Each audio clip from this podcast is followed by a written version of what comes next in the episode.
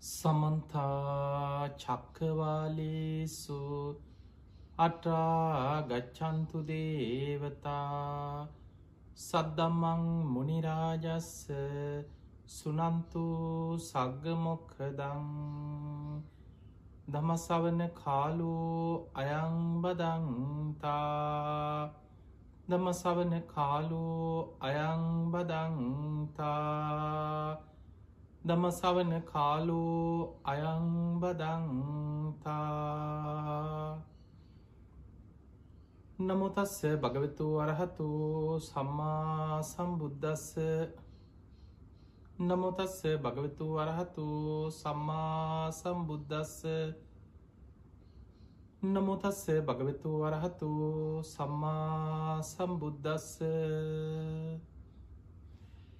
හැම දෙනාටම තෙරුවන්සන්න ප්‍රාර්ථනා කරමින් අදෝබ හැම දෙනෙක්ම ඔබි ජීවිතයට ඉතාම වැදගත්. ධර්ම කාරණා රැසක් ශ්‍රවනය කරන්නයි මෙ සදහම් විකාශයේ උතුම් දායක අත ධර්ම දේශනාව සමඟ එකතු වෙලා ඉන්නේ.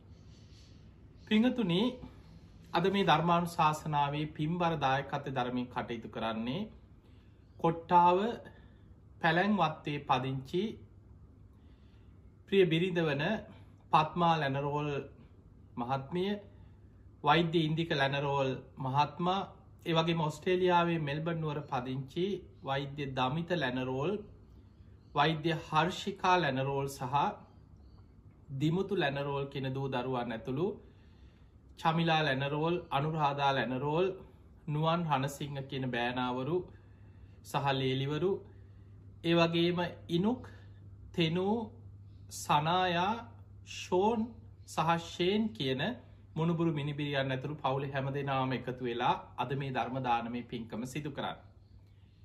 එයගේ අරමුණ තමයි දෙදස් විසියකේ අගෝස්තු විසිතුන්ගෙන දින පරලෝ සැපත්වන්නට යෙදුණු නොවම්බර් මස විසිතුන්ගෙන දිනට තෙමසක් සම්පූර්ණ වන සියාදරණය පියාණන් වන පරලෝ සැපත් වෛද්‍යාචාරය ආනන්ද ලැනරෝල් මහත්මාට පින් අනුමෝදන් කිරීම එතුමන් මේ ගෞතම බුද්ධ ශාසනය තුළදීම උතුම් චතුරාර් සත්‍ය අවබෝධ කරගෙන උතුම් නිවනින් සැනසේවා කියන ප්‍රාර්ථනාවෙන් එතුමංව සිහිපත් කළ පින් අනුමෝදන් කිරීම ප්‍රධානාරමුණ.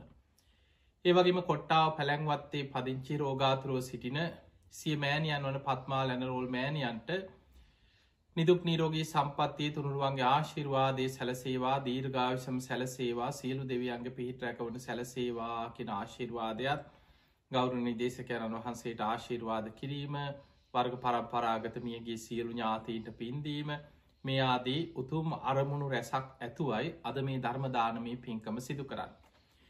තිං එහෙමනං ඒ පවුලි හැම දෙනාටමත් ඔබ හැම දෙනාටමත් මේ ධර්මය ශ්‍රවණය කරන ලක්වාසි ලොවාසි හැම දෙනාටමත් මේ උතුම් ධර්මශ්‍රවනය ධර්මාවබෝධය පිණිස නිවන්දොරටුවක් බවට පත්වේවා කියල මුලින්ම ආශිර්වාද ප්‍රාර්ථනා කරනවා.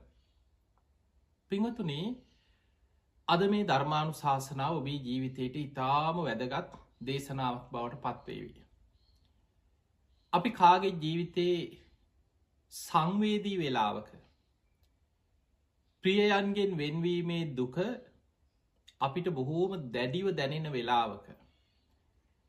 අපි කොහොමද එවැනි කෙනෙක් ඉදිරියේ හැසිරෙන්නේ කටයුතු කරන්න කතා බස් කරන්න. ඒ අන පිංහතුනි මරණාසන්න මොහොතක ඔබේ ඥාතියෙක් ඉදිරි ඔබ කටයුතු කළ යුත්තේ කෙසේද. කෙනෙක්ගේ ඊළඟ පරලව ජීවිතය වෙනුවෙන් ඔබට කල්්‍යයාන මිත්‍රයෙක් වෙන්න පුළුවන්න ඔබට පිහිටක් වෙන්න පුළුවන්න කොච්චර යහපතක් ඔබට ඔබේ ඥාතිය වෙනුවෙන් කරන්න පුළුවන්ද.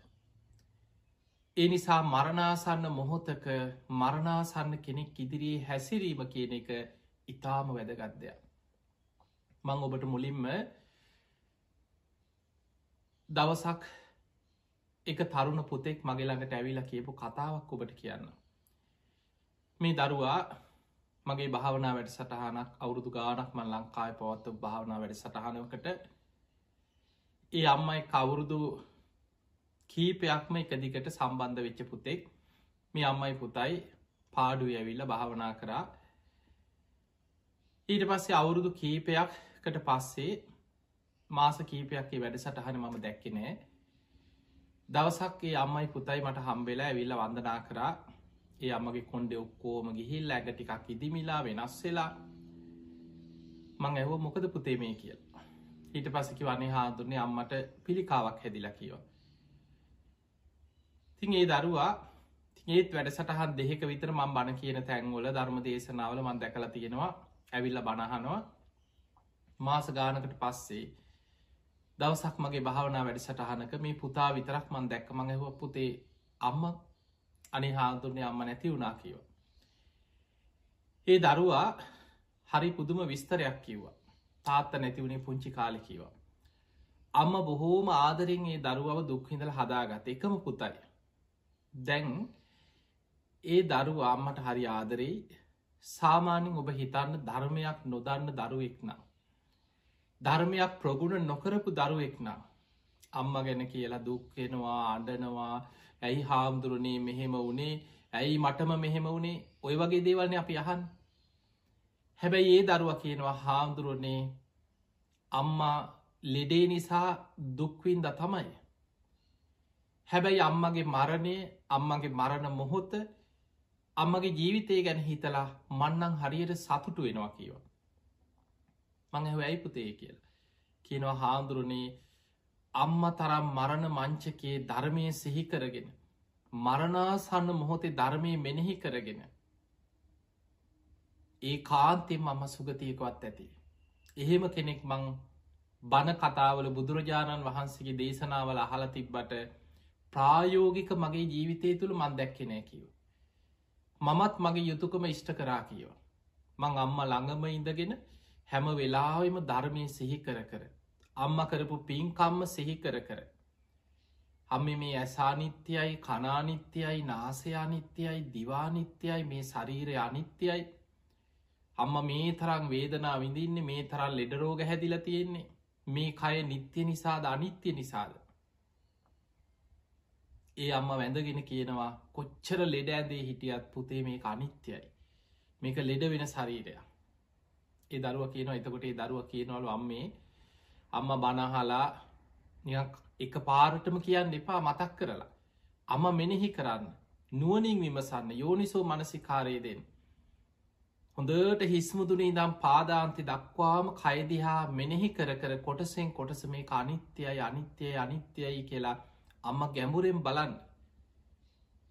එතකොට ඔය වගේ මනපදයක් මරණාසන්න වෙලාවක ලෙඩවෙච්ච වෙලාවක ගිලං වෙච්ච වෙලාවක දරුවෙක්ගෙන් අහන්න ලැබෙනවා කියන්නේ ඒ අම්ම කොච්චර වාසනාවන්තද?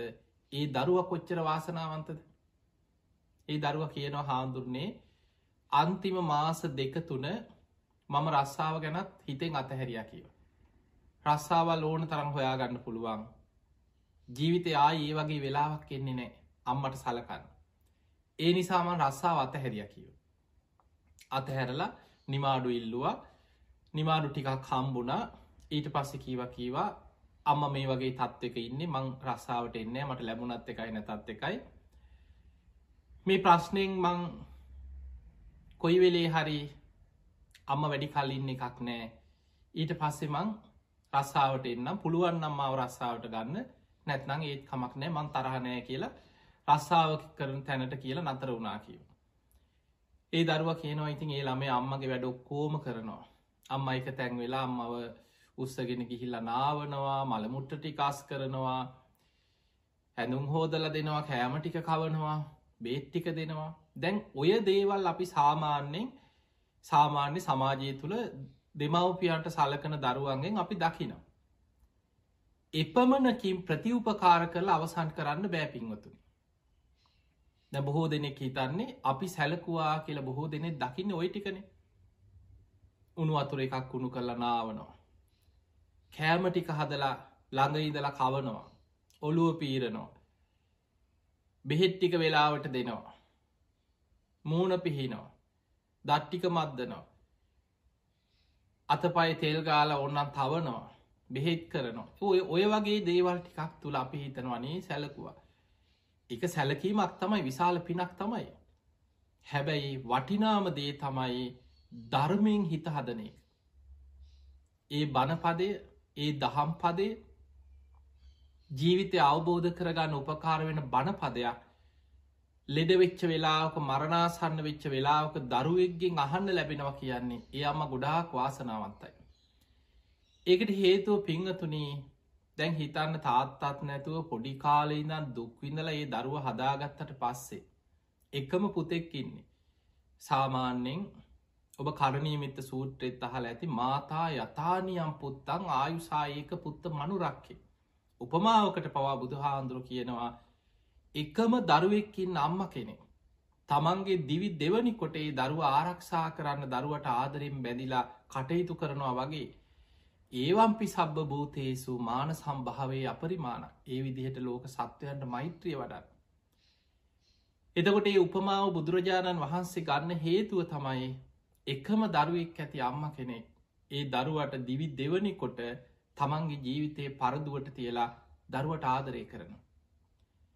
එවැනි වෙලාවක තමන්ට ලෙඩක් හැදිලා මරණාසන්න වෙලා මං මැරෙයි කියලා හිතනකොට පංච කාමයන් තුළම ජීවත්වෙච්ච සාමාන්‍ය පෘතජ්ජන මනුස්සයා. අර දරුවව තමයි අල්ලගන්න. අනේ මං කොහොමද මගේ දරුව දාලා යන්නේ. මන් නැති වුණට පස්සෙ මේ දරුවට මොනවගේ අනාගතයක් උරුම වෙයිද. තා මේ දරුව විවාහ වෙලත් නෑ. ඒ නිසා දරුව ගැන බැදෙන්නේ. හැබැයි මේ පුතා කොච්චර බුද්ධිමද්ද කියන්නේ අම්මට එහෙම පංච කාමයන් තුළ හිත ඇලෙන්න අවස්ථාවක් දෙන්නේ. හැම වෙලාම අම්මළඟට ගිහිල් අම්මගේ ඔළු අතකගා කියන අම්ම මේ ඔක්කුම අනිත්‍යයි. අම්ම සංසාරය කොච්චර දරුව හදල ඇද්ද. ඒ දරුව නිසාම්ම කොච්චර නිරේ වැටිල ඇද්ද. ඒ දරුව නිසා අම්ම කොච්චර තිරිසන් ලෝකොල ප්‍රේතලෝකොල ඉපදිල ඇද්ද. අතහරන්න. මමත් මේ සංසාරය යන කෙනෙ. ඒ නිසා මන් නිසාවත් මේ ධර්මය අතහැර ගන්න එපා. ධර්මය අල්ලගන්න පංච කාමයන් හිතෙන් අතහරින්. මේ අනිත්‍යයි. අම්ම වෙන මොනුවත් හිතන්න එපා මේ ඇසානිත්‍යයි කනානිත්‍යයි නාසය අනිත්‍යයි දිවානිත්‍යයි කයානිත්‍යයි මනසානිත්‍යයි කියලා ආයතන හය අනිත්‍ය වසයෙන් සිහි කරන්න කියලා හැම වෙලායි මර අම්ම ළඟට ගිහිල්ලා අනිත්‍ය තුළම හිත පිහිටෝන දැ බලන් කොච්චර වාසනාවද කියලා දරුවකින් එහෙම දෙයක් අම්ම කෙනෙකුට අහන්න ලැබෙනවා කියන ලෙඩවෙච්ච වෙලා ඒ දරුව කියන හාදුරන්නේ මම අන්තිම මාසේ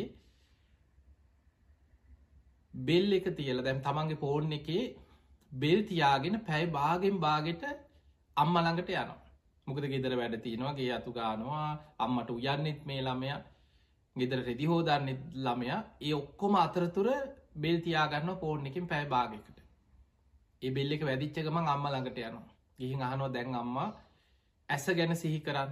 දැමෙන මුකුත් නේ ලෙඩරෝගවත් බේට්ටික දෙනවා තමයි. වෙන මොනවත් අහන්නේ අම්මට වේදනාවත් දැනෙනවාද? ඕ පුතේ කියනවා. ඒනම් අම්ම ඒ වේදනාවට හිත සිහි කරලා හිතන්න ඉස්පර්සය නිසයි වේදනා උපදන්නේ.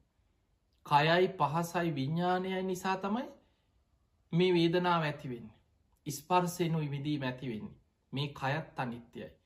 ඒ පහසත් අනිත්‍යයි. ඒ විඤ්ඥානයත් අනිත්‍යයි. ඒ තුළ හටගන්න පංචු පාදානස්කන්දය අනිත්‍යයි කෙළම්ම ඒ වේදනාවට හිතයොමු කරලා අනිත්‍ය වසයෙන් බලන්න. මං පැයි භාගිකින් අම්ම ළඟට එනවා කියලා එළමය ආය ගිහිල ගෙදර වැඩ කරනවා.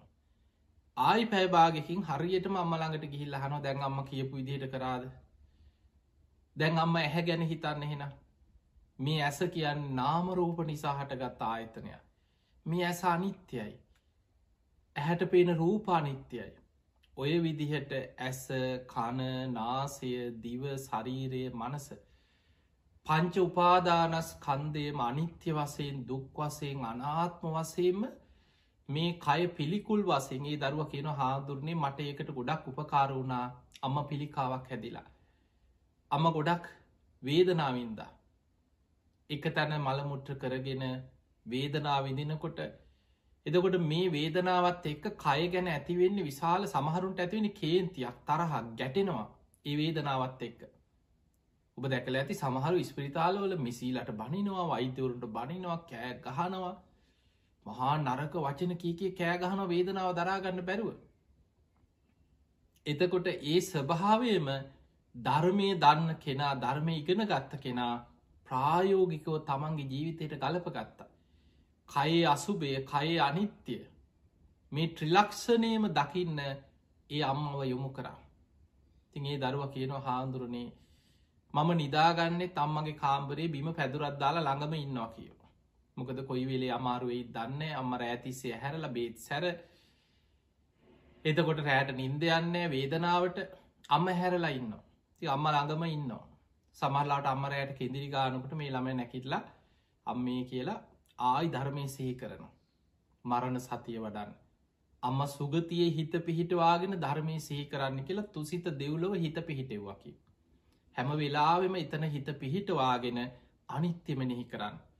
අම්මට සාමාන්‍ය දෙවි කෙනෙක් විදිහට නෙමේ මාර්ග පලයක් ලබාගෙනම මන් දෙව්ලොව යනවා කියලා අධිෂ්ඨාන කරගෙනම ධර්මය සිහි කරන්න කියලා ඒළම උපදෙස් දෙනවා. දැම් බලන්න මේ වගේ දේවල් අපිට වර්තමානයේ මේ මෑත සමාජ තාමයි පුතා ජීවතුන් අතර ඉන්න මේ අවුරුදු කීපයකට කලින් මට මුණ ගැහිච්චි පුතේ.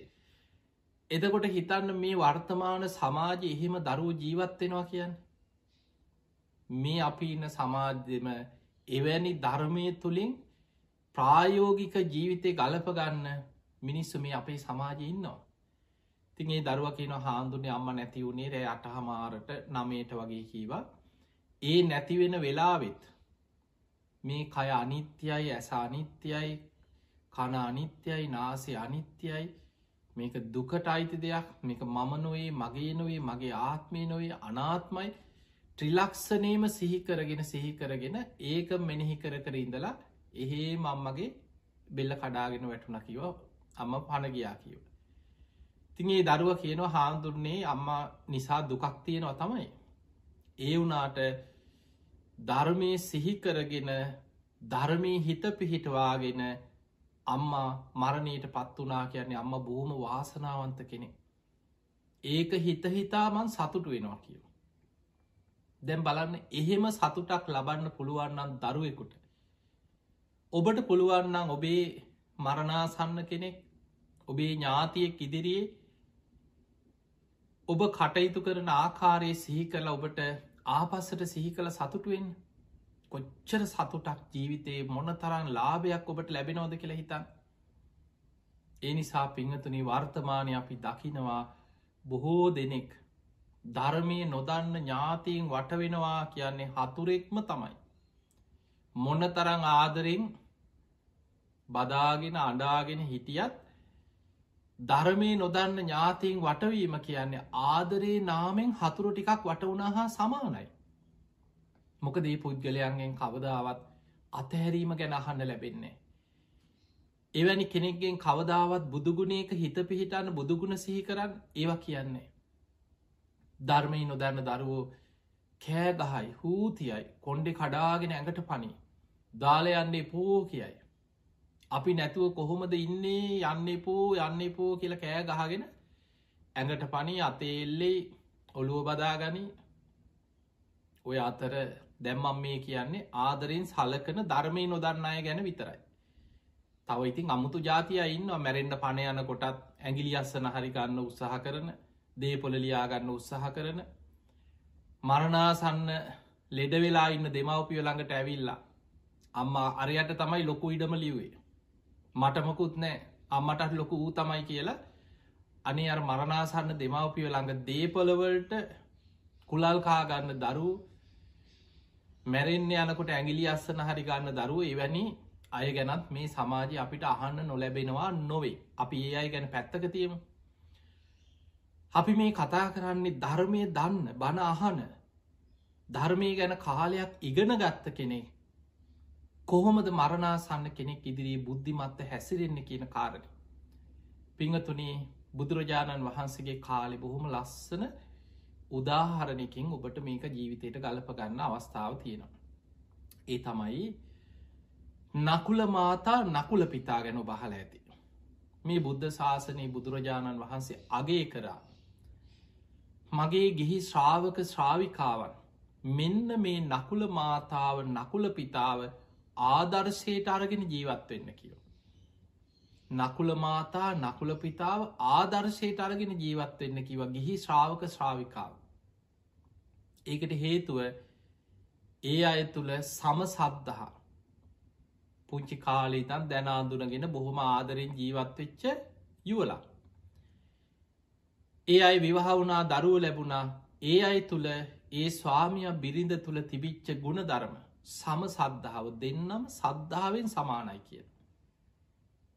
සමසීල ඒ දෙන්නම සිල්වත් කියන. සමත්‍යයාග දෙන්නම දන් දෙනවා පින්කං කරනවා බොහොම සතුටේ දෙන්නම එකතු වෙලා එකට පින්කං කරන. එක්ක ස්වාමිය පිනක් කරත් බිරිඳට අනුමෝදන් කරනවා. බිරිඳ කරන පිංහ ස්වාමියට අනුමෝදන් කරනවා. දෙන්නම පිනට කැමති. සම ප්‍රඥා මේ දෙන්නම භාවනා කරනවා ප්‍රඥාව වඩනවා ධර්මය මෙනෙහි කරනවා. ධර්මාවබෝධයට හිත පිහිටවාගෙනම කටයුතු කරන දෙන්නේ. එනිසා බුදුරජාණන් වහන්සේ අගේ කරනවා මහනෙන මගේ ගිහි ශ්‍රාවක ශ්‍රාවිකාව මේ නකුල මාතා නකුල පිතා ආදර්ශයට අරගෙන ජීවත් වෙන්න කියන. දැන් කොච්චර ආදරෙන් හිටියත් පණ ඇරල ජීවත් වනත් මොන්න තරං ආදරෙන් හිටියත් කවුරු හරි ඉස්සර වෙනවද නැද්ද? ඒක තමයි ජීවිතය අථාර්ථය එක්කො ස්වාමිය ඉස්සර වෙයි එක්කො බිරිඳ ඉස්සර වෙනවා. කලාතුරකින් දෙන්නම එකට මැරෙන අවස්ථාත් තියෙනවා. අපි දකිට ලැබෙන එක මෝට් සයිකලේ හැප්ුණනාගේ රීවිල්ල එක හැප්පුනා කියයි. ජීවිතේ නොසිතන විදිහට යම අනතුරු විපත් තුළ ස්වාමයා බිරිඳ දෙන්නම එකවරමී යන අවස්ථාත් තියෙනවා. බොහෝ දුරට දෙන්නගෙන් කාට හරි ඉස්සර වෙන්න වෙනවා. ඒක තමයි ජීවිතය ඇත්ත. අපි කැමති වුණත් අකමැති වුණත් අපට යථාර්ථයට මූුණ දෙන්නත් සිද්ධ වෙන දැන් බුදුරජාණන් වහන්සේගේ කාලේ බුදුහාන්දුරුව පවා අගේ කරපු ඒ නකුල මාතා නකුල පිතාව අතරින් ස්වාමිය ලෙඩ වුණා. නකුල පිත ගෘහපතිය බොහෝ රෝගාතුර වුණා. හොඳටම ලෙඩ වෙලා එක තැන් වුණා. ඒ කාලි බුදුරජාණන් වහන්සේ වැඩ සිටියේ ඒ අයගේ නිවස තිබ්බ ගම ආසන්නේ සුන්සුමාර ගිරිනුවර බේස කලා වනේ කියලා ප්‍රදේශක බුදු හාන්දුරුව වැඩ හිටිය. දැන් නකුල පිත ගෘහපතිය ලෙඩ වෙලා එක තැන් වෙලා බොහෝම අමාරුයි. අසාධ්‍යයි. බිරිඳ ළඟට ඇවිල්ල ස්වාමියගේ හිත හදනවා. මේක බුද්ධ දේශනාවකට එනවා. මේ බිරිද නකුල මාතාව ස්වාමිය ළඟට ඇවිල්ල කියනවා පෙම්බර සැමිය අපි මෙච්චර කාලයක් දැනාදුන ගත්ත දවසින්නම් බොහෝම ආදරෙන් අපි ජීවත් වුණ අපි දෙන්නට දෙන්න මේ වෙනකං උබ නොදකින් කියාගෙන නෑ ඒ ඇන රණ්ඩු වෙලා බැනගෙන තරහ වෙලා නෑ අවබෝධයෙන් බොහොම ආදරෙන් ජීවත් වුණා. නමුත් දැන් ඔබ මරණාසන්නයි. එහෙනම් අපිට පේනවා බිරිඳ බොරු කියන්නේ ස්වාමිය ඉදිරියට ඇවිලා ආවයා දැම් මැරෙන්නේ ඔයා වෛද්‍යවරු මෙහෙම කිව්වා. ඔයා බයවෙන්න එපා. අපි මැරෙන්නේ එහෙම රවට්ටන්නේ නෑ මොක දෙන්නම ධර්මාවබෝධයක් තුළ ඉන්න බනහපු ජීවිත යථාර්ථයට මුහුණ දෙන අය. බිරිද කියන සාමීම් ලෙඩවෙච්ච මරණාසන්න ස්වාමිය ළඟට ඇවිල්ල කියන ඔබ දැන් ලෙඩ වෙලා. ඔබ දැ මරණාසන්න වෙන්නේ. මේ ජීවිතය අන්තිම මොහොත වෙන්න පුළුවන් ගෙවිලෑන ඒ නිසා ඔබ මේ විදිහට හිතන් ඔබ මං කියන දේ හොඳට හිත පිහිටවාගෙන මේ මොහොත මෙනෙහි කරන්න. කියනවා පෙම්බරස් හැමිය බුදුරජාණන් වහන්සේ අරහං සම්මා සම්බුද්ධයි විද්‍යාචරණ සම්පන්නයි. සුගතෝ ලෝකවිදු. අනුත්තරෝ පුරිස දම්ම සාරති සත්තා දේව් මනුස්සානක් බුද්ධෝ භගවා. උන්වහන්සේ මේ මේ ගුණවලින් යුක්තයි. ඒ බුදුරජාණන් වහන්සේ දේශනා කරපු ධර්මයේ කාන්තයෙන් ස්වාක්කාතයි. සන්දිිට්ටිකයි අකාලිකයි. ඒහි පස්සිකෝ ඕපනයිකෝ පච්චත්තා වේදි තබ්බෝ විඤ්ඥෝහි ඒ ධර්මය ගුණ වසයෙන් ඔබ හිතන් බුදුගුණ හිතන් බුදුරජාණන් වහන්සේගේ ශ්‍රාවක සංඝයා සුපටි පන්නයි උජුපටි පන්නයි ඥාය පටිපන්න සාමීචි පටිපන්න යදිදන් චත්තාරි පුරිස යුගානය අට්ට පුරිස පුද්ගලා පුද්ගලය වසයෙන් අට දෙනයි යුගල වසයෙන් හතරයි සෝවාන් මාර්ගඵල සකදාගාමී මාර්ගඵල අනාගාමී මාර්ගඵල අරහත් මාර්ගඵල යුගල හතරයි. වෙංවෙං ගත්තොත් අට දෙනෙ. ඒ අය ආහුනේය පාවුනීය දකිනේය අංජලි කරණය. ඒ උතුම් ශ්‍රාවකයන් අපි ඇසුරු කරා. පෙම්බර සැමි ඔබ බුදුගුණ හිතන්. ධර්මී ගුණ හිතන්න සඟගුණ හිතන් සද්ධාවේම හිත පිහිටවන්න කියලා ඔන්න මරණාසන්න ස්වාමිය ළඟ ඉඳම් බිරිඳ දෙන්න පලවෙනිම උපදෙසට. ඊළඟට බිරිඳ දැන්ව උපදෙස් දෙන්න කලින් බිරිඳ කියන මෙහෙම පෙම්බර සැමිය ඔබට හිතෙන්න පුළුවන් අනීමේ ගෙවල් දොරවල් ඉඩ කඩම් මේවා මං මැරුණට පස්සේ බිරිඳට මේ ගෙවල්වල වැඩ තනියෙන් කරගන්න පුළුවන් වෙයිද? මේවට මොකක් වෙයිද? ඕවා ගැනනම් හිත හිතා මැරෙන්න එපා. අන්න බුදුරජාණන් වහන්සේ වැඩඉන්නවා මේ අසල සුන්සුමාරගිරිනුවර බේස කලාවනේ. අතහැරීම කාමයන් අතහැරීමම අරමුණු කරගෙන දහම් දෙසන ලෝතුරා බුදුරජාණන් වහන්සේ පංච කාමයන් කෙලෙස් මේවා අල්ලගෙන කාමයන් ගැන ආසාාවෙන් මැරෙන අය ප්‍රසංසා කරන්නේ බුදුරු ඒවා අගේ කරන්නේ ඒ නිසා පෙම්බර සැමිය දැන් ඔබට මේ බෝග සම්පත් ගැන බෝග සම්පත් යන ගෙවල් දොරවල් ඉඩ කඩා යානවාහන සල්ලි තමන් සතු මට මේවා මේවා තියෙනවා කියලා යම් කිසි ගොඩනගාගත්ත යම්තාක් භෞතික වස්තු ඇද්ද. ඒ සියල්ල දැන් ඔබට හිතෙන් අතහරින්න කාලයයි ඒවා හිතෙන් අයින් කරන්නකින්. ඒ ඔක්කොම නැසී වෙනසී යන දේවල් ඒ අතහැල්ලදා අන්න බිරිඳගේ පලවෙනි උපදෙස බණ කියන්න කලින් බිරිඳ ළඟ ඉදන් කියන එක. ඊළඟට කියන පෙම්බර සැමිය ඔබට හිතෙන්න්න පුළුවන් අනේ මගේ බිරිඳ තනිවෙයි බිරිඳ අසරණ වෙයි මේ දරුවන්ගේ වැඩ කොහොම කර ගනීද මන් නැති වුණාට පස්සේ බිරිඳට ඒ මං ගැන හිතන්න එපා කියනවා. බුදුරජාණන් වහන්සේගේ ගිහි ශ්‍රාවිකාවන් අතර සීලේ දියුණු කරගත්ත සමාධිය වඩාගත්ත ප්‍රඥාව ඉහලට දියුණු කරගත්ත යම්තාක් ගිහි ශ්‍රාවිකාව ඇද්ද මමත් ඒ අයගෙන් එක කෙනෙත් තමයි කියන. එහෙම කියලා කියන ඔබට මං ගැන හරියටම දැනගන්න ඕන්නම් බුදුරජාණන් වහන්සේ මං ගැන කිය යහුව. නකුල මාතාව මේ වගේ කෙනෙක් කියලා බුදු හාමුදුරුවන්ගේ බුදුමවින්ම ඕන්නම් මං ගැන අහගන්න කිර හොඳ මේ කවදහරි හම්බුණු අවස්ථාව ලැබුණු. ඒ නිසා මං ගැන දුක්වෙන්න එපා. මං මේ ධර්ම මාර්ගි මගේ ආරක්ෂාව හදාගත්ත කෙනෙ. ඒ නිසා මං ගැනත් දැන් ඔබ අතහරින් බිනිදවත් හිතෙන් අතහරින්න දැන් කාලයයි ඔබට. අච්චර ආදරෙන් හිටපු බිරිඳ පුංචි කාලින්දන් දැන හඳුනගෙන ආදරෙන් බැඳීමෙන් හිටපු බිරිඳ මරණා සන ස්වාමියයට කිනො දැංගුම මාවත් අතහරින්.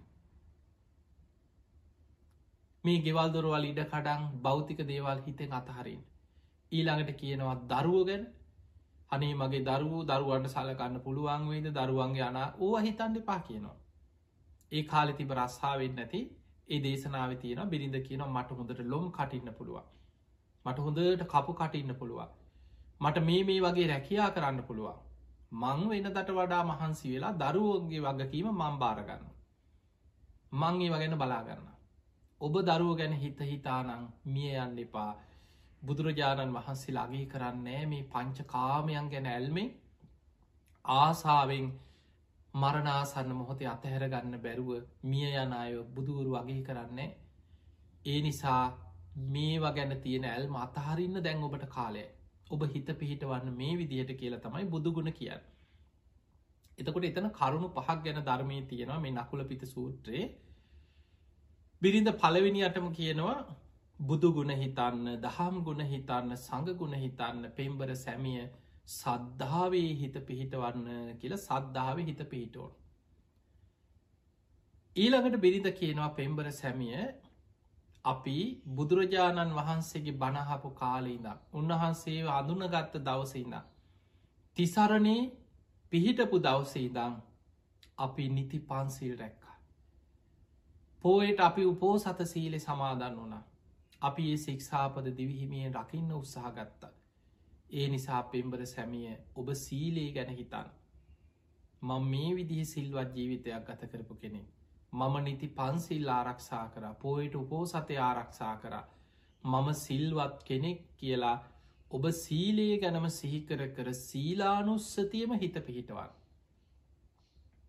අන්න මරණාසන්න මොහොත බිරිඳ දෙන ඊළඟ උපදෙස. පළවෙනි එක තමයි බුදුගුණ හිතන්න දහම් ගුණ හිතන්න සඟගුණ හිතන්න සද්ධාවේ හිත පිහිටවන්. දෙවනි උපදෙස කියනවා පෙම්බර සැමිය ඔබ තමන් මෙච්චර කාලයක් බුදු හාමුදුරන්ගේ ධර්මය ලැබුණට පස්සේ අපි ආරක්ෂා කරපු සීලාදී ගුණ ධර්ම ඒවා මෙනෙහි කර කර සීලයේ සිහි කර කර ඒ සීලේ මෙනෙහි කරගෙන හිත පිහිටවන් ඒක භාවනාවක් වසෙක් වඩන්න පුළුවන් සීලානුස්සති භාවනාව.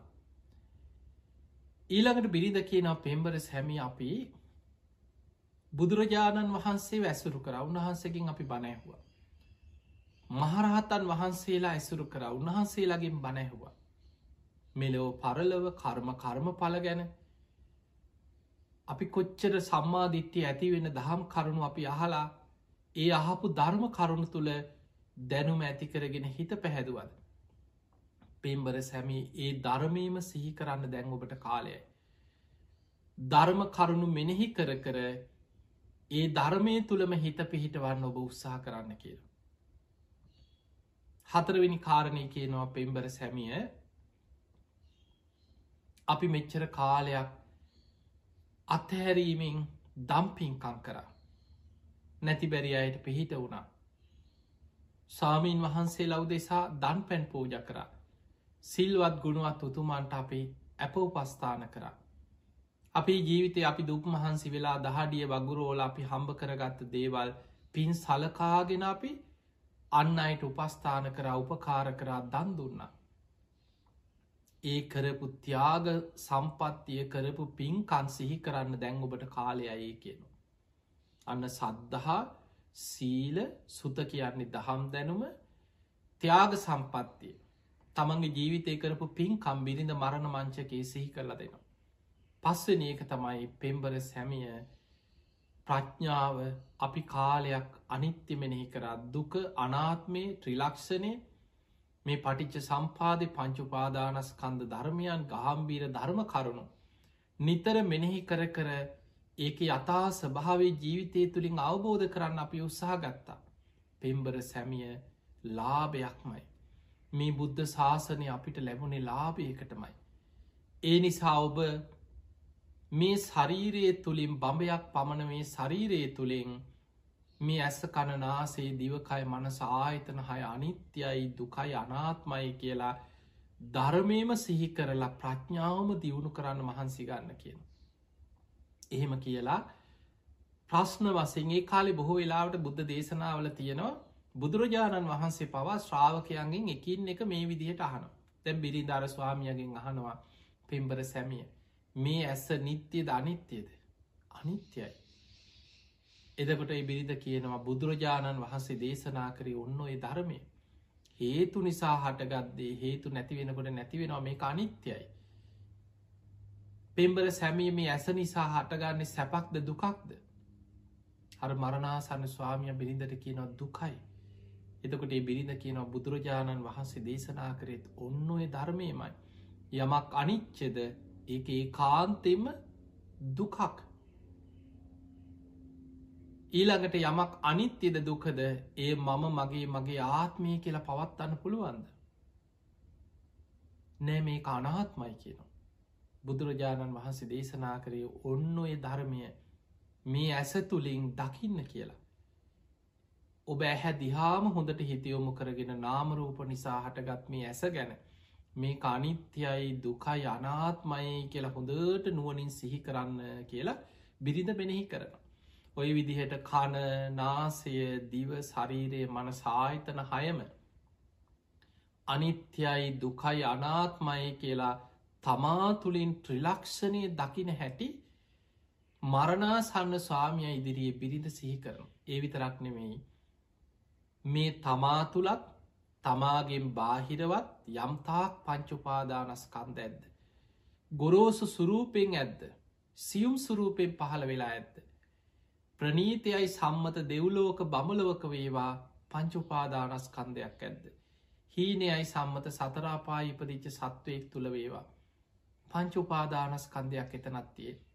දුරවේවා ළඟවේවා අතීතේ වේවා වර්තමාන වේවා අනාගතය වේවා. යම්තාක් මේ ලෝකයේ පංච උපාදානස් කන්දයන් ඇද්ද? ඒ සියල්ල අනිත්‍යයි. ඒ සියල්ල දුකයි. ඒ සියල්ල මම නොවේ මගේ නොවේ මගේ ආත්මය නොවේ. අනාත්මයි මම මගේ කියලා මට ඕන විදියට පවත්වන්න බෑ. ඔය විදිහට ඔබ සබ්බ ලෝකයේ අනබිරත සංඥාව සියලු ලෝකයන් ගැන නොවැලෙන විදිහට අනිත්‍යම සිහි කරන්න කියලා බිරිඳ උපදෙස් දෙනවා. දැම් මේ දේශනාව තියෙනවා මේ නකුල පිත මේ සූත්‍රයේ බිරිඳ ඔය විදිහට උපදෙස් දුන්නේ ස්වාමිය හොඳටම ලෙඩ වෙලා මරණාසන්න වෙලා ලෙඩ ඇදේ හිටපු වෙලා. හැබැයි ස්වාමියා අර ඇදේම ඉඳගෙන ඔය පරම ගාම්බීර ධර්ම කොටස් හොඳට සිහි කරා.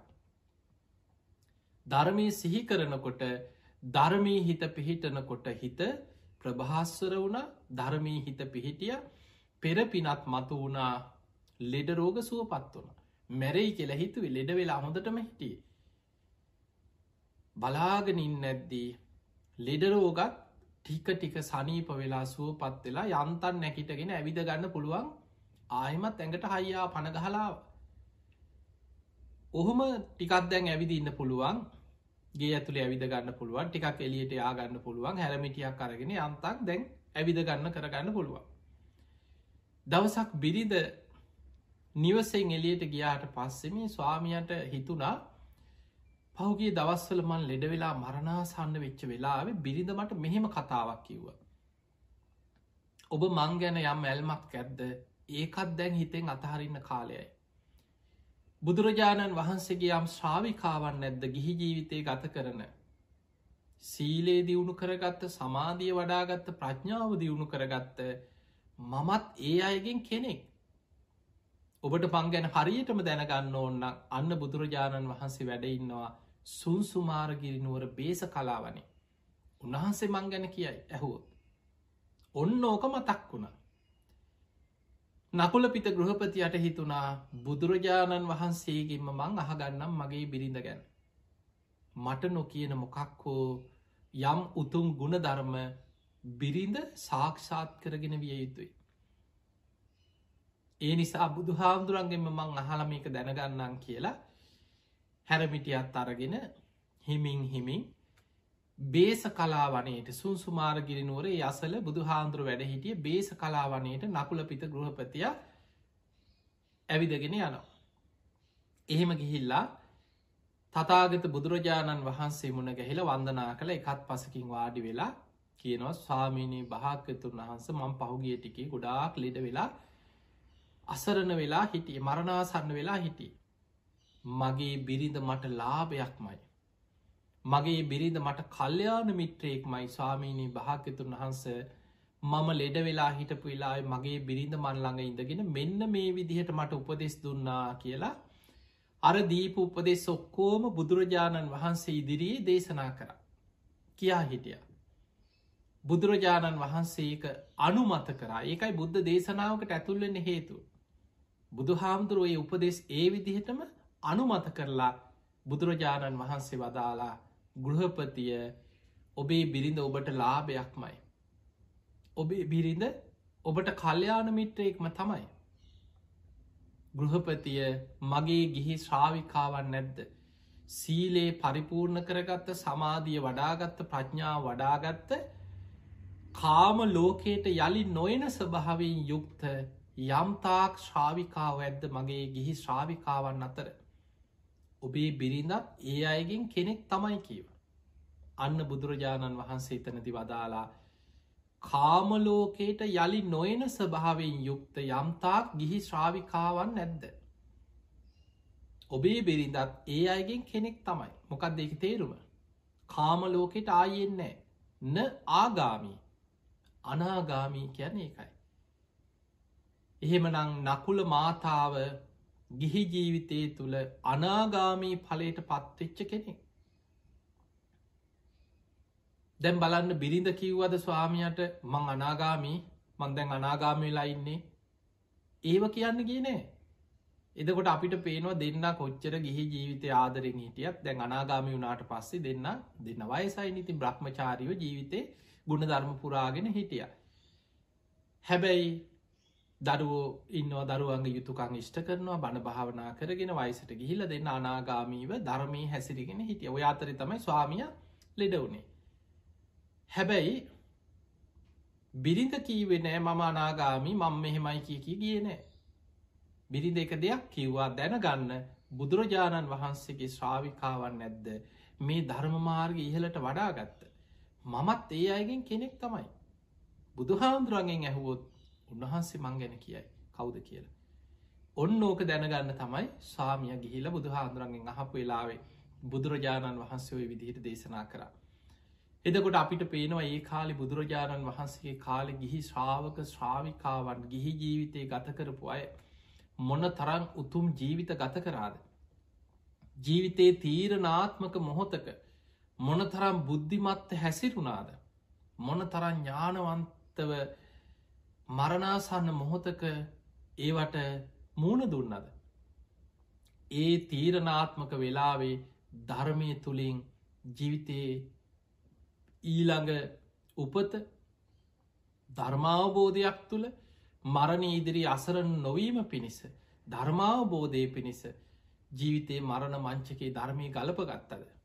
අන්නේ නිසා ඔවැනි සිදුවීම් බුද්ධ දේශනා කියවනකොට බුදුරජාණන් වහන්සේගේ ශ්‍රාවක ශ්‍රාවිකාවන් අත්තර අපට ගොඩාක් මුණ ගැහෙනවා. ඒව තුළින් අපි ජීවිතයේ වර්තමානය අද අපි ජීවත්වෙන සමාජය ඒදාට වඩා ගොඩාක් සංකීරණයි. ඒ කාලෙ අපි ඕ ඇහුවට අදාපිට සමට සුරංගනා කතා වගේ. අද තාක්ෂණයත් එක්ක මේ විද්‍යාවත් එක්ක දියුණුයි දියුණුයි කියෙන ලෝකයක්ත් එක්ක අද අපි ජීවත්වෙන්නේ කෙලෙස් වලින් ඇවිස්සිච්ච මෘග සංඥා පහළ වුණා වගේ මිනිස්සු ඉන්න. අධර්මරාගේ විෂමලෝබේ මිත්‍යා ධර්මය බලවත්වෙච්ච ලෝකෙ කදාපි ඉන්නේ. හැබැයි මේ සමාජයේ තුළත් ඒ ධර්මය ඒ විදිහටම සීයට සීයක්ම ගලපගත්ත නකුල මාතා නකුල පිතා වගේ අය නැතිවුණත් ඒ ධර්මය ජීවිතයට ගලපගෙන මරණ මංචකේ ධර්මය ප්‍රයෝජනය ගන්න ධර්මය සිහිකරන ධර්මය හිත පිහිටවා ගන්න අයත් නැතුවා නොවේ. දැම් බලන්න මම මේ දේශනාව ආරම්භේ සිහිකරපුර අම්මගේ පුතාගේ කතාව. ඒ අම්ම මරණාසන්න වෙච්ච වෙලාවේ ඒ පුතා කොච්චර බුද්ධිමත්ත කටයුතු කරාත් ඒ විතරක් නෙමෙයි. ඒ දරුව එදා ඒ අම්ම නැති වුණට පස්සෙ විස්තරේ මාත් එක කියලා. ඒ ළමය මට කියනවා හාමුදුරුවනේ මට වෙලාවට මෙහෙමත් හිතෙනවා කීවා අම්ම සෝවාන්වත් වනාද දන්නෑ කියලා.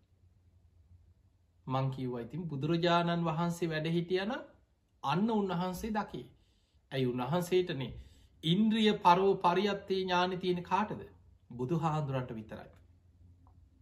කෙනෙකුගේ ධර්මාවබෝධ කිරීමේ කුසලතාව දකින්න පුළුවන් බුදුරජාණන් වහන්සේට. උන්වහන්සේ තමයි බුදු ඇසින් දකින්නේ අසවලා මෙන්න මේ විදිහෙක් මාර්ග පලයක් ලැබවා කියලා කෙනෙක් දිහා බලපු ගමන් එයාගේ ධර්මාවබෝධ කිරීමේ කුසලතාවේ දකින්න පුළුවන් හැකියාව තියෙන බුදු හාමුදුරට. එතකොට බලන්න ඒ පුතා අම්ම ඉදිරියේ කටයුතු කරපු ආකාරය. ඒ අම්ම මරණාසන්න වෙච්ච වෙලාවෙත් ධර්මය සිහි කරලා පණයන වෙලාවෙ පවා අනිත්‍ය දුක් අනාත්ම ත්‍රිලක්ෂණය මෙනෙහි කරලා. ධර්මීම සිහිකරගෙන ඒ මරණයට පත්වෙච්ච අම්ම ගැන ඒ දරුවට ඇතිවෙන විශ්වාසය ඒ ළමය හිතන්නේ හාමුදුරණය අම්මා ඒ කාන්තෙන් දිවිය ලෝකෙක නං ඇති. හැබැයි මට හිතෙනවා කිව සෝවාන්මත් වනාද දන්නේ කියලා. දැම් බලන්න කොච්චර වාසනාවන්ත දරුවෙද්ද අන්නේ නිසා මතක තියාග දැ සාමාන්‍ය පෘතජ්ජන සමාජයේ ඔබම හිතන්න. අපේ මිය පරලව යන ඥාතිීන් ගැන අපිට ඔහොම හිතෙනවද කියල්? බොහෝ දෙනෙක් හිතන්නේ කොහෙ ඉන්නවද දන්නේ ආපහු ඇවිල් අද දන්නේ වත්තේ අයිනවත් ඉන්නවත් තුම්මන් හන්දිය ළඟවත් ඉන්නවත් දන්න දොරමුල්ලෙත් ඇදස්සට බෙන්න්න බයයි. කෙනෙක් මැරිලා මිනිිය වල්ලලා දවස් හයහතක් ගියාට පස්සේ පිළිකන්නට යන්න බය කරුවල වැටෙනකොට. දොරමුල්ල බලන්න බයයි. පූසෙක් හරි පැනල බඩුවක් පෙරුණු සද්‍යයක් වැටනුත් ගෙවල්ල වෙවුලනවා. පහෝදාට රෙදි ඇද ඇද දේවාලගානේ ජීවත් වෙලා හිටපු සුරූපයෙන් තමම්ම දන්නවා සුගතියක ගිහින් නැතුව ඇති කියලා. ඒ නිසා මරණාසන්න ඥාතියාට හතුරෙක් වෙන්න එපා. මරණාසන්න කෙනා ඉදිරියේ බුද්ධිමත්තෙන් ධර්මය කියල දෙන්න ධර්මය සිහි කරවන්. ඒ කෙනාට සුගතිය කියන්න උපකාර කරන්න කල්්‍යයාන මිත්‍රයෙක්වෙන්. ඒ උතුම් ධර්මය අපිට ලැබිලා තියෙනවා. ඒ ධර්මය ප්‍රායෝගිකව ජීවිතයට ගලපගන්න ඇත්තටම ඔබ ආදරීනම්. ඔබට අනුකම්පාවක් කරුණාවක් සෙනෙහිමාත්‍රයක් තියෙනවනං ඔබේ ඥාතිීන් ගැන. ඔබේ දෙමවපියෙක් වේවා දරුවෙක් වේවා සහෝදරයෙක් වේවා කවුරු හොවේවා බුදුරජාණන් වහන්සේ පෙන්වේ අයව ධර්මය පිහිටවත් ඒ අයට ධර්මය කියල දෙන්න. ඒ අයි ධර්මාවබෝධය තුළ පිහිටවත් තින් එහෙම නං ඔබ හැම දෙනාට මද මේ ධර්මානු ශාසනාව ඔබේ ජීවිතයට ඉතාම ප්‍රයෝජනවත් වේවී. මේ දේශනාව ඔබ හැම දෙනාටම උතුම් ධර්මාවබෝධය පිණිස නිවන්න අවබෝධය පිණිසම ජීවිතාවබෝධය පිණිසම උපකාරයක් ආශිර්වාදයක්ම වේවා වේවා කියල අපි ආශිර්වාද කරනු. සියලු දෙවියෝ සාධකාරදිදී මේ පින් අනුමෝදන් වෙත්වා දෙවියන්ගේ පිහිට රැකවරන ආශිර්වාද ඔබ හැම දෙනාටම ලැබේවා කියලා ආශිර්වාද කරනවා. අද මේ ධර්මාණු ශාසනාව පින් බරදාය කති දරන්නට එදුනේ කොට්ටාව පැළැංවත්තේ පදිංචි ඒ ප්‍රිය බිරිඳ වන පත්මා ලැනරෝල් මහත්මිය වෛද්‍ය ඉන්දික ලැනරෝල් මහත්මා ඔස්ට්‍රේලියාවේ මෙල්බන්ුවර පදිංචි වෛද්‍ය දමිත ලැනරෝල් වෛද්‍ය හර්ෂිකා ලැනරෝල් සහ දිමුතු ලැනරෝල් කියන දූ දරුවන් එකතු වෙලාද මේ ධර්මාණු ශාසනාවේ පින්බරදාය කති දරුවා. ඒවගේම චමිලා ලැනරෝල් අනුරාධා ලැනරෝල් නුවන් රණසිංහ කියන බෑනාවරු සහ ලේලිවරු ඇතුළුවේ පවුල හැම දෙනාටමත්. ඉනුක් තෙනු සනායා ෂෝන් සහශ්‍යයෙන් කියන මොනුබුරු මිනිබිරියන් ඇතුළු පවුලේ හැම දෙනාම නිදුක් වේවා නිරෝගි වේවා සුවපත්තේවා ඒ හැම දෙනාට මුතුම් ධර්මාවබෝධයම ලැබේවා ලැබේවා කියලපි ආශිර්වාද කරනවා. ඒවගේම දෙදස් විසික අගෝස්තු මස විසිතුන්ගනි දින පරලෝ සැපත්වන්නට එදුණු නොවම්බර් මස විසිතුන්ගනි දිනට තෙමසක් සම්පූර්ණ වන සි ආදරණය පියාණන් වන පරලෝ සැපත් වෛද්‍යාචාරය ආනන්ද ලැනරෝල් මහතාට මෙම ගෞතම් බුද්ධ ශාසනයේ මුතුම් චතුරාර් සත්‍ය ධර්මය අවබෝධ වේවා උතුම් නිවනටම පත්වේවා කියලයි මිය පරලවගේ පියාණන්ට පින් අනුමෝදන් කරනවා. ඒවගේම කොට්ටාව පැළැන්වත්තේ පදිංචි රෝගාතුරෝ සිටන සිය මෑනියන් වන පත්මා ලැන රෝල් මෑනියන්ට නිදුක් නිරෝගී සම්පත්තිය තුනුරුවන්ගේ ආශිර්වාදය සියලු දෙවියන්ගේ පිහිට රැකවුණ සැලසේවා දීර්ගාවිශම් ලැබේවා කියලා ආශිර්වාද ප්‍රාර්ථනා කරනවා. ඒවගේම ගෞරුණි දේශකැනන් වහන්සේට මේ කරන ධර්ම ප්‍රචාර කටයුතු ලෝකයේ පුරාම සිදු කරන්නත් උතුම් ධර්මීම අවබෝධ කරගන්නත් තුනුරුවන්ගේ ආශිර්වාදය නිදුක් නීරෝගි සම්පත්තිය සියලු දෙවියන්ගේ පිහිට ආශිර්වාදය ලැබේවා කියල අපිට ආශිර්වාද කරනවා. ඒ වගේම දෙමාපියන් නමින් වර්ග පරම්පරාගත මිය පරලෝගිය සියලු ඥාති. ඒ පවුලේ පියාණන් ඇතුළු පරම්පරාගත මිය පරලෝගිය සියලු ඥාතීන් සාධු කාරදිදී මේ පින් අනුමෝදන් වෙත්වා. ඒ ඥාතින්ගේ පරලව ජීවිත සැපවත්තේවා සුවපත්තේවා සංසාරදුකින් අතමි දේවා කියල සාදු කියල පින් දෙන්න. දැනට කොරෝනා වසංගතයෙන් පීඩාවට පත්වෙලා ඉන්න සියලු දෙනාට නිදුක් නීරෝගි සම්පත්තිය ලැබේවා. ධර්ම දේශනාව ශ්‍රවනය කර හැම දෙනාටමත් ලක්වාසි ලොවාසි හැම දෙනාට මත්තුතුන් චතුරාරි සත්‍ය ධර්මී අවබෝධ වේවා කෙනුතුම් ප්‍රාර්ථනාව සිහිපත් කරන තින් එහෙම නං ඔබ හැම දෙනාමත් බනෑසූ සියලු දෙනාමත් ලක්වාසී ලොවාසි හැම දෙනාමත් නිදුක්වේවා නිරෝගිවේවා සුවපත්තේවා සුවපත්තේවා සුවපත්තේවා හැම දෙනාට මුතුම් ධර්මාවබෝධය පිණිස මේ ධර්මානු ශාසනාව ආශිර්වාදයක් වේවා කියලපි ආශිර්වාද කරනු.